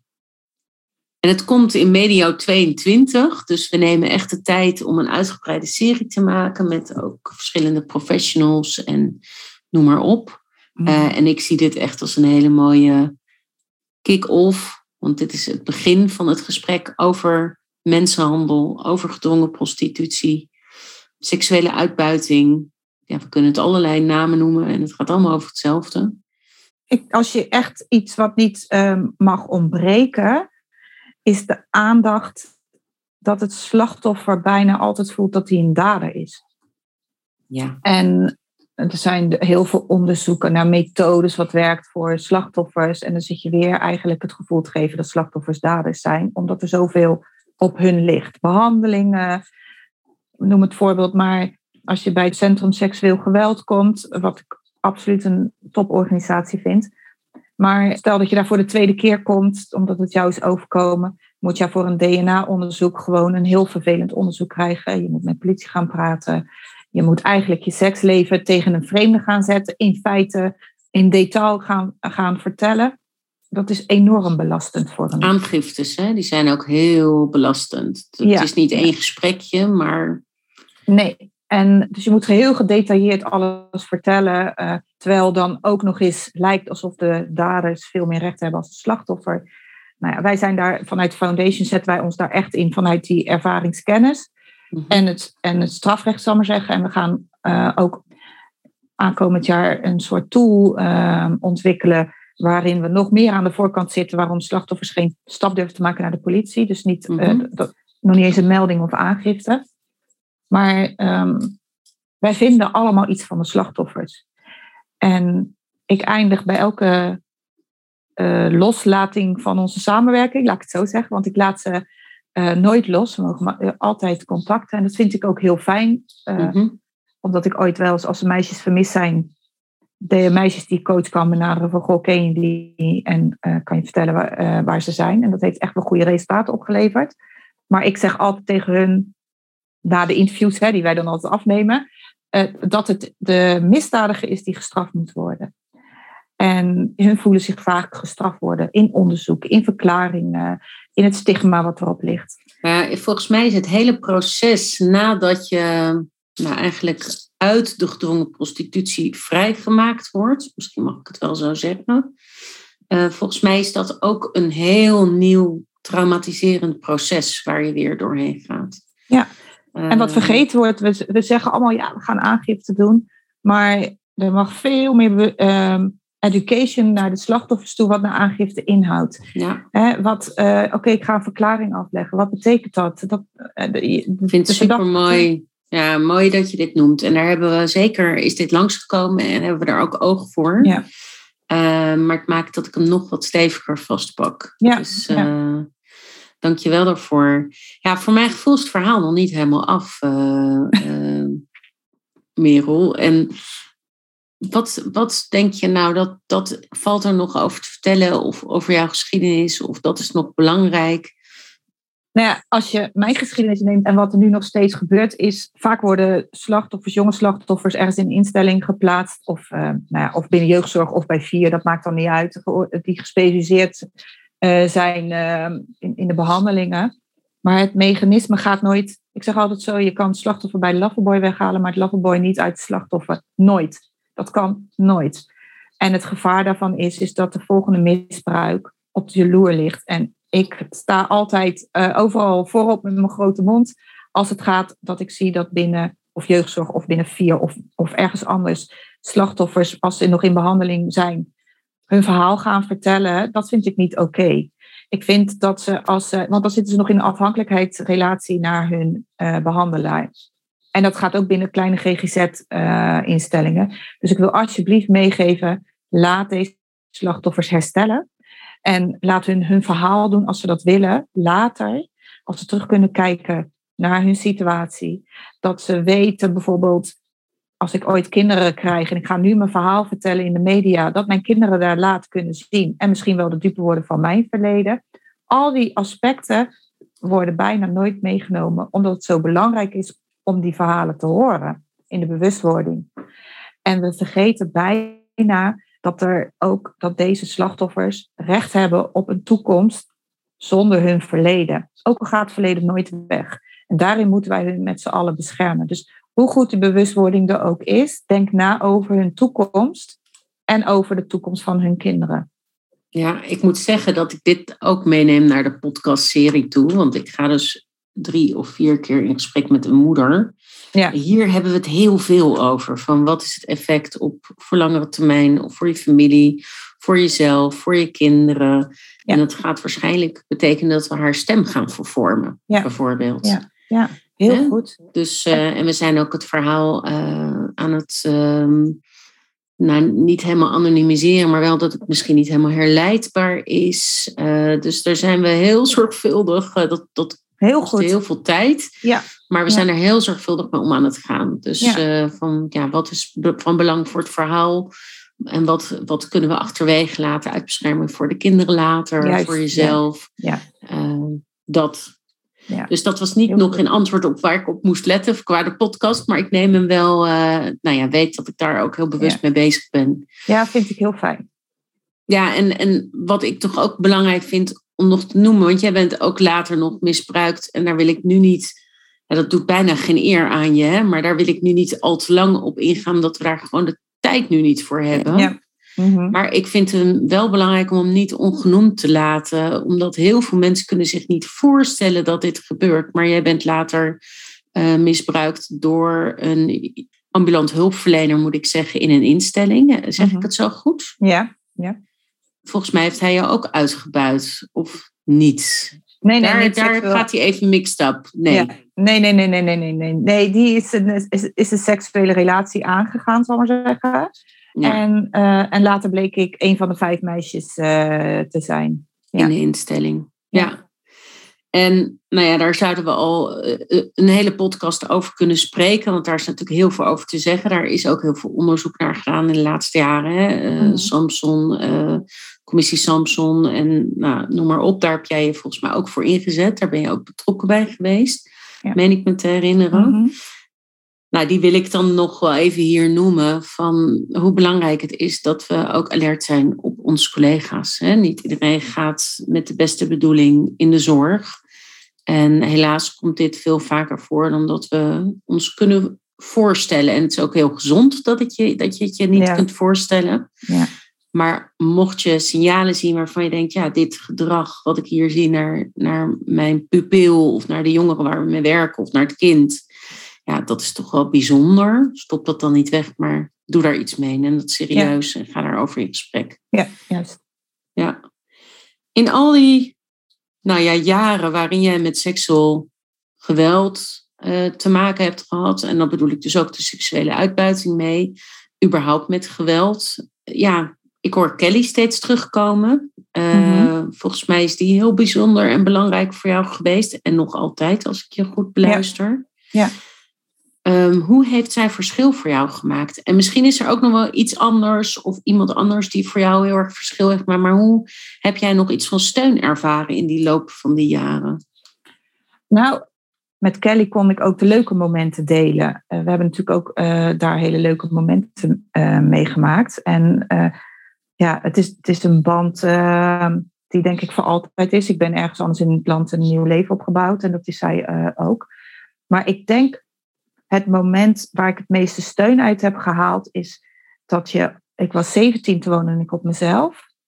Ik wist niet wie ik was. Ehm, ik had allemaal herbelevingen. Uh, ja, school had ik niet afgemaakt, af van alles. En toen ben ik een test gaan doen bij het UWV. Om te kijken Mhm. Van wat, wat je nou precies wilde. En toen kwam ik op een particulier kinderdagverblijf te werken. Deed ik een op- opleiding. En dat waren van twee zussen. Die zagen mij zoals ik was. En dat was ook het moment dat ik niet hoefde te vertellen wat ik mee had gemaakt. Ik had een rugzakje, eh, maar daar voelden ze echt feilloos aan, maar zonder in detail te treden. En die hebben gezorgd dat ik mijn opleiding af heb gemaakt. Ik ben, eh, wilde verder als, eh, ik wilde graag kinderpsychiater worden, totdat ik moeder werd. Toen ben ik met de opleiding gestopt. Maar die hebben mij, een, voor mijn gevoel, een kans gegeven eh, om wie ik was. En niet ehm, wie ik was om wat ik mee had gemaakt. Maar gewoon Mhm. als, nou ja, laten we maar, maar even Merel noemen. En dat was enorm fijn. Hoe je- deden ze, hoe gaven ze jou dat gevoel? Hoe, hoe- wat deden ze daarvoor? Want vaak, zo grappig, hè, vaak hebben mensen helemaal niet door dat ze een verschil maken voor iemand anders, maar zijn ze gewoon zichzelf en doen ze daarin iets goeds. Wat, Ja. wat deden zij daarin? Nou, het klinkt heel raar, maar hun waren enorm structureel in alles. En dat, die, die, dat structuur, dat biedt veiligheid.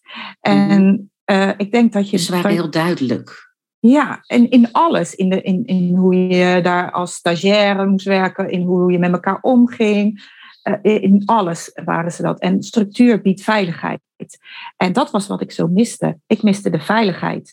Mhm. En ja, dat, dat, ehm, ik heb met pijn in mijn hart afscheid moeten nemen van hun, omdat ik dus op een gegeven moment echt de keuze heb gemaakt om weg te gaan uit dat deel ehm, van Nederland waar ik dan woonde. Mhm. Maar zij hebben mij zoveel gegeven, eigenwaarde, zal maar zeggen, dat ik wist dat ik er ook toe deed om wie, wie ik was. Wat Ja. fijn. Ja. Ja. ik zeg altijd, dat heeft dus je schatkistje goed gevuld, zou ik maar zeggen. Ja. Ja, mooi. hey, en ehm, ja, je zegt, ik ben uw moeder, ik heb kinderen. Hè, ik kan me voorstellen, nou, ik kan het me natuurlijk niet helemaal voorstellen, want dat zeg je altijd heel snel. Hè? Ik kan het me voorstellen. Ja. Nou, ik kan me ook een heel deel niet echt voorstellen, omdat ik het niet heb meegemaakt. En dat hoeft ook niet soms om er wel iets van te begrijpen dat je het helemaal hoeft te hebben meegemaakt. Maar wat ik in ieder geval wel weet, ook van andere mensen die bijvoorbeeld seksueel geweld hebben meegemaakt, eh, in de, gedwongen in de prostitutie hebben gezeten, zoals die moeder waar ik het net ook over had, die vinden het toch wel heel ingewikkeld om later een eh, relatie aan te gaan, bijvoorbeeld eh, seksualiteit te beleven op een prettige, positieve manier. Eh, daar in ieder geval ook iets positiefs aan te ontlenen, vooral.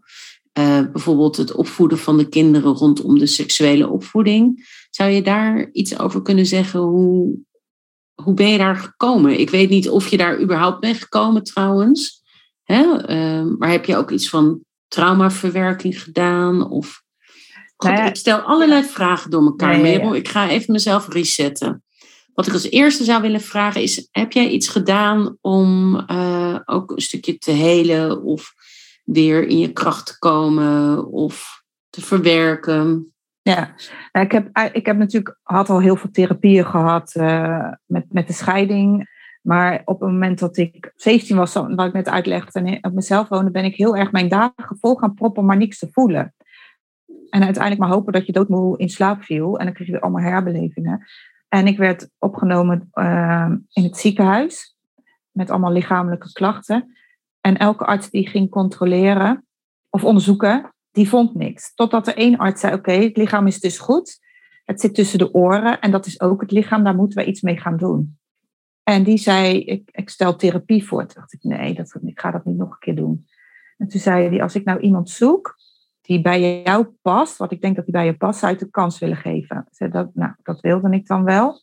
Mhm. En ik vergeet nooit meer, hij zou op een avond om half acht langskomen bij mij thuis. En ik zorgde dat ik om half acht bij de buren zat. En om acht uur dacht ik, nou zal die wel weg zijn. Je, je wil het wel, maar je durft het ook weer niet aan. En toen stond hij daar dus nog. En toen had hij een soort respect gewonnen van mij. En ehm, hij was psychotherapeut, net afgestudeerd. En wij zijn in gesprek gegaan. En daar kwamen we heel snel achter dat ik niet het in het verleden wilde verwerken, maar ik wilde omgaan met het verleden. Dus als er een trigger is, hoe ga ik daarmee om? Ehm, als je bepaalde gevoelens hebt, hoe ga je daarmee om? En dat heeft me enorm geholpen. Het heeft me geholpen toen ik met COVID in het ziekenhuis lag. Uh, het heeft me geholpen hoe ik met mijn PTS om, PTSS om kan gaan. Daar ben ik echt enorm dankbaar uh, voor. En ik leerde mijn partner kennen. Mijn partner van nu. Niet in therapie, maar die leerde ik een keer op vakantie uh, kennen. En hij heeft mij, doordat ik met in therapie zat, heb ik stapje voor stapje het vertrouwen kunnen winnen. Het was echt heel moeilijk. En ik dacht, ik had bij mezelf afgesproken, ik doe dat nog één keer. En dat gevoel heb ik nog steeds. Stel dat er wat met hem zou gebeuren, of stel dat je gaat scheiden, ik, dat, dat kan ik me niet voorstellen, maar stel dat er wat zou gebeuren, ik doe het nooit meer. Dit, ik hoef geen partner meer en dat soort dingen, dat hoef ik allemaal niet meer. Dus dit proces ben je aangegaan met je huidige partner, de vader ook van je kinderen. Ja. En je zegt, nou, dat heb ik, dat proces, dat was een pittig proces, dat ga ik één keer aan, ben ik dat gegaan. Ja. En dit is het. Ja, en ik, ik denk oprecht dat we er gewoon de normale stappen hebben gezet. Met kinderen krijgen. Uh, er hoeft niemand rekening met mij te houden over mijn verleden. Uh, ik had alleen rekening met mijn kinderen te houden wat ik in de media zou gaan zeggen. Nou ja, je woont hier in een dorp en dan wordt er wel weer eens gezegd tegen de kinderen ook: heb je moeder op televisie gezien of wat dan ook. En dan mhm. zeggen ze hun ook gelijk, ja, dat weten we, maar we willen er geen aandacht mee. Hun willen daar ook geen aandacht mee. Hoe oud zijn zij ongeveer? Nu ze zijn net uh, twintig voorbij. Oh ja. Dus, ja, uh, inmiddels. Ik heb dus heel lang, ja, ik heb heel lang uh, gewoon geen media gedaan. Dat is niet, hun hoeven niet te dupe te worden van mijn verleden. Ja. Hey, en en uh, die psychiater of psychotherapeut, zei je, volgens mij, ja, ja. was dus een man. Ja. En uh, je hebt ook weer een man, uh, je bent een relatie weer aangegaan met de vader van je kinderen. Dat is dus wel weer gelukt om in ieder geval twee mannen te vertrouwen. Misschien ook wel meer, maar in ieder geval deze twee. Uh, ja, het mooie vind ik eigenlijk, laat ik het zo zeggen, er is ook iets positiefs uitgekomen. Wat mannen mij aan hebben gedaan, is dat ik. Uh, het is niet dat ik wantrouwend naar mannen ben, maar ik kijk mannen ook niet op een seksueel aantrekkingskracht of zo. Weet je wel, dat heb ik ook weer niet. Dus ik ben, ik ben als, ik, als ik groepen train of wat dan ook, en een, uh, onze trainers uh, vinden, de vrouwen vinden die trainers allemaal geweldig, dan denk ik altijd, uh, welke steen lig ik dat ik dat niet zie? Dat heb ik dus niet meer. Nee. Ik, ik sta daar dus niet voor open en misschien kan ik dat ook niet. Ik wil dat ook helemaal niet. Dus ik zie mannen niet op een seksueel gebied. ik zie ze als persoon. Ik, ik zie dat heel anders.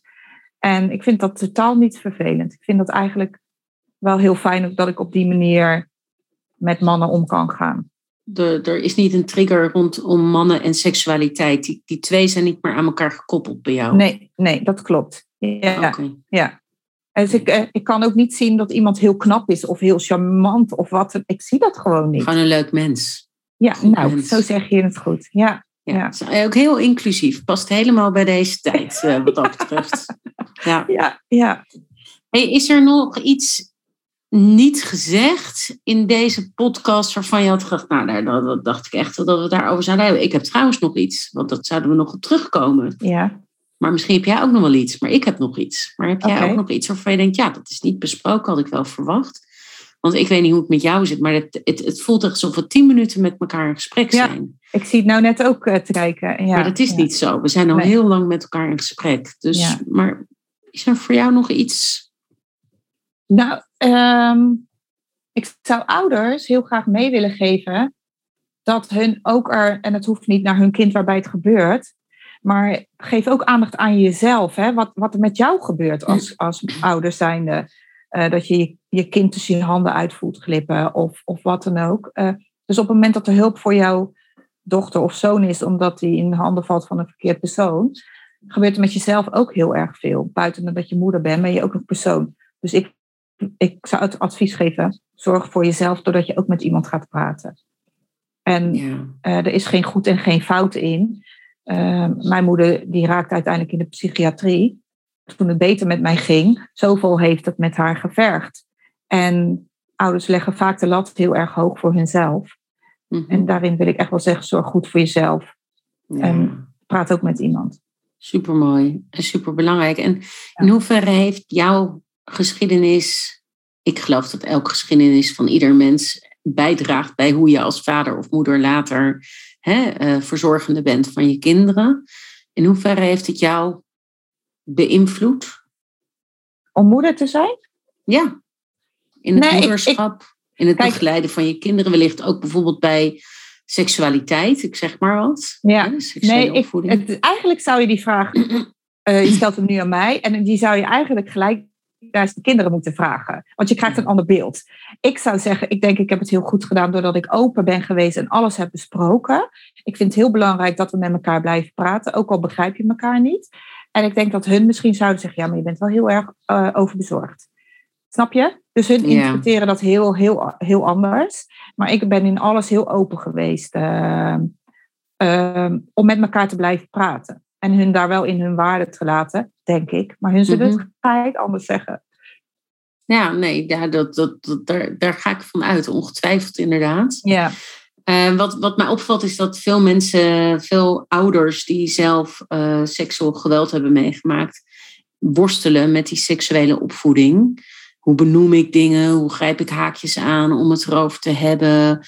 Hoe zorg ik nou dat ik mijn kind wel, zeg maar, waarschuw, maar niet bang maak? Hè? Dus hoe, mhm. hoe, ga je daar een beetje tussenin uh, laveren?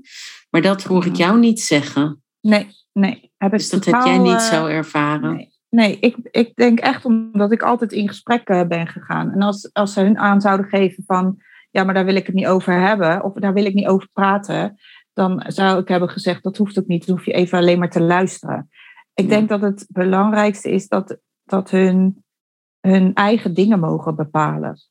Nou, krachtig hoor. Ik vind het echt heel mooi hoe je daar ook over spreekt en hoe je nou ja, vooral in die communicatie. Je bent gewoon continu blijven praten in allerlei opzichten. Ja, heel mooi.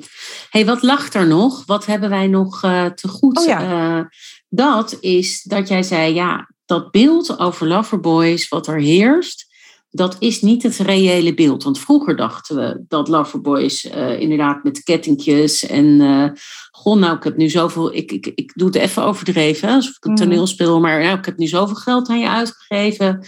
Nu wordt het tijd dat je het gaat terugbetalen. Dat is in ieder geval hè, het beeld van toen. En nu is er een beeld dat het vooral inderdaad allemaal online plaatsvindt. Jij zegt, er zit ook nog wel iets tussen.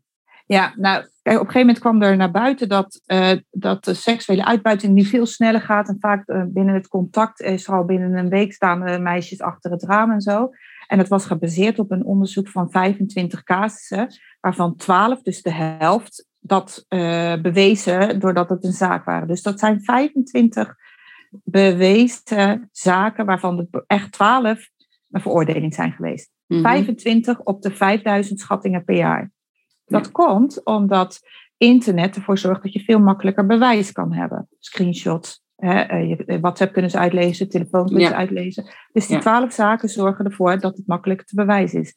Al die andere zaken, die dus niet bij de politie komen, of net dat ze meerderjarig zijn, 18, waar de wet ze dus niet beschrijft, zijn feitelijk heel moeilijk te bewijzen. Dus dat, dat maakt het dat er geen zaken voorkomen. En dat die schattingen zo hoog zijn en de uh, aangiftes zo laag zijn, omdat er zo weinig bewijzen zijn. En dat is enorm uh, verdrietig. En vooral omdat er dan wordt gesuggereerd dat het alleen maar via internet uh, gebeurt. Terwijl de klassieke manier, het, om, het contact leggen, het losmaken, het bedreigen dan seksuele uitbuiting, dat is de methode. Die heb ik altijd gezegd dat die er is. In 2011 is die ook erkend in de rijksbrede aanpak bij opstelten. Als we die methode begrijpen, dan maakt het platform waar het zich afspeelt, maakt niet meer uit. Of dat nou chillen buiten is, of dat nou online gebeurt. Het blijft hetzelfde. En de klassieke manier is gewoon veel moeilijker te bewijzen. Omdat je, ja, het... Uh... Waarin er toch nog tijd wordt besteed aan die grooming eigenlijk, hè? Ja, zeker. En die grooming is soms bewust en misschien ook in het begin zelfs als onbewust misschien. Ja, ja, ja. Uh, vanuit het dader. Ja. ja. En daarin blijf ik ook zeggen, Blijf communiceren. als er iets op internet ook gebeurt, blijf communiceren thuis. Ook al he, zit je verboden of wat dan ook. En hoeveel jongeren uh, leven nu niet op straat hun sociale leven? Dat, dat is enorm. Dus daar gebeurt heel veel. En dan heb je ook nog met allerlei culturen te maken. De ene cultuur geeft een vriendin als geschenk aan een vriend, terwijl dat meisje dat helemaal niet wil. Het is zo breed.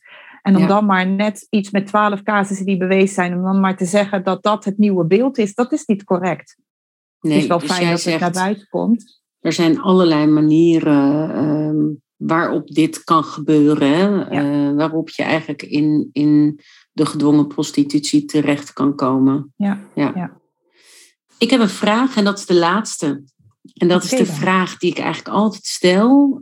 Tenzij jij natuurlijk nog iets wil zeggen, hè, Merel, mhm. want dan uh, moet je dat vooral doen. Maar het is de vraag die ik eigenlijk altijd uh, als afsluitende vraag stel. En dat is: wat is jouw droomscenario voor kinderen die opgroeien in deze wereld? Dat ze zo puur mogen zijn zoals ze zijn. De, dat, dat is het. Ik zeg wel eens: de wereld staat in de fik, maar het is niet aangestoken door onze kinderen het kind mogen zijn zo lang mogelijk. We lijken geneigd om maar van alles onze kinderen al te leren, om zich weerbaar te moeten houden in deze boze wereld. Maar het pure is uh, ja, gezien worden zoals je bent.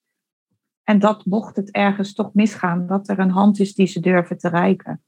Ja, mooi. En ik hoor jou ook heel duidelijk zeggen dat ze kind mogen zijn. Ja, vooral. Er zijn zoveel kinderen die als kleine volwassenen al opgroeien met grote mensenzorgen. Ja. Dus uh, ja, nou ja, deze deel ik natuurlijk ook helemaal met jou. hey, en jij uh, wilt uh, je boek weggeven. Ja.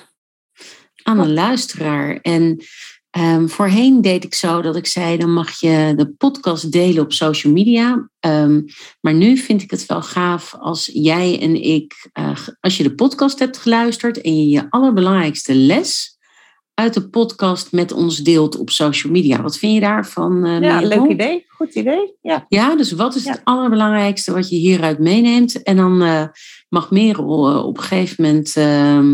Zullen we zeggen dat er één week de tijd is om te reageren. Want voorheen ja. deed ik dat ook wat langer, dus ik doe het dit keer wat anders. Mhm. En dan um, nou, laat je het ons weten. En je kunt uh, dat op Instagram doen, want Merel, daar zit je ook hè, met de Merel van Groningen Foundation. Ja, en ook uh, privé, allebei.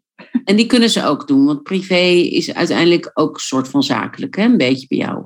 Uh, ja. wil je, welke wil je dat ze taggen? Ja, dat maakt niet uit. Ze allebei, maar ik zal maar zeggen, de, de, de, foundation is echt wel het zakelijke. Daar zit ook een okay. vrijwilliger. Mag allebei dus? Ja, ja, ja, ja, ja. ja. Helemaal goed. En het mag ook, te luisteren natuurlijk mensen, die zitten ook op LinkedIn en niet op Instagram. En dan mag het ook lekker op LinkedIn, want daar zitten wij ook allebei. Ja. Dus dat vinden we alleen maar gaaf, want dan gaan meer mensen hopelijk naar deze podcast luisteren, waar volgens mij heel veel inspirerende nou, tips en tricks in zitten rondom uh, dit... Uh, nou, toch wel een grote taboe onderwerp. Ja. Merel, ik uh, keek er naar uit om met je in gesprek te gaan. Ik baal ervan dat het eigenlijk alweer voorbij is, want het ging veel te snel, veel te rap. Ja, uh, dus wellicht gaan we nog wel eens in gesprek met elkaar. Maar in ieder geval voor nu heel erg bedankt ja, voor het delen van je verhaal en met mij in gesprek te gaan. Ja, leuk. Dankjewel. Dankjewel voor het luisteren naar de Naomi Maakt Bespreekbaar podcast. Ik hoop dat ik je heb kunnen inspireren en concrete tips heb kunnen meegeven waarmee je gelijk een verschil gaat maken. Ik maak deze podcast omdat ik geloof in het delen van kennis. En ik er ook in geloof dat de maatschappij als geheel hier beter van wordt. Zodat uiteindelijk alle kinderen nog veiliger en gezonder kunnen opgroeien. En ook jij hoeft het trouwens niet helemaal alleen te doen. Dus ben je een ouder of verzorger? Kijk dan eens op naomimaakbespreekbaar.nl of ga naar de Facebookpagina Naomi Maakt Bespreekbaar. Hier deel ik heel veel informatie. Kun je webinars volgen en vind je de blogs die ik in de afgelopen jaren heb geschreven. En ben jij misschien een professional? Snuffel dan eens tussen het gratis aanbod op deshouwertrainingen.nl en download bijvoorbeeld een van de concrete tools die ik speciaal voor jou heb ontwikkeld. Doe er echt je voordeel mee. Ook zou ik het super tof vinden als je me laat weten wat je van deze aflevering vond. En deze bijvoorbeeld deelt met mensen uit je omgeving. En ben je misschien benieuwd naar de volgende afleveringen? Abonneer je dan op deze podcast in je favoriete podcast-app. En luister je via iTunes? Laat dan ook een review achter. Zo maken we lastige onderwerpen nog meer bespreekbaar en kunnen andere mensen mij beter vinden. En voor nu wil ik je nog één vraag meegeven. Welk verschil ga jij vandaag maken?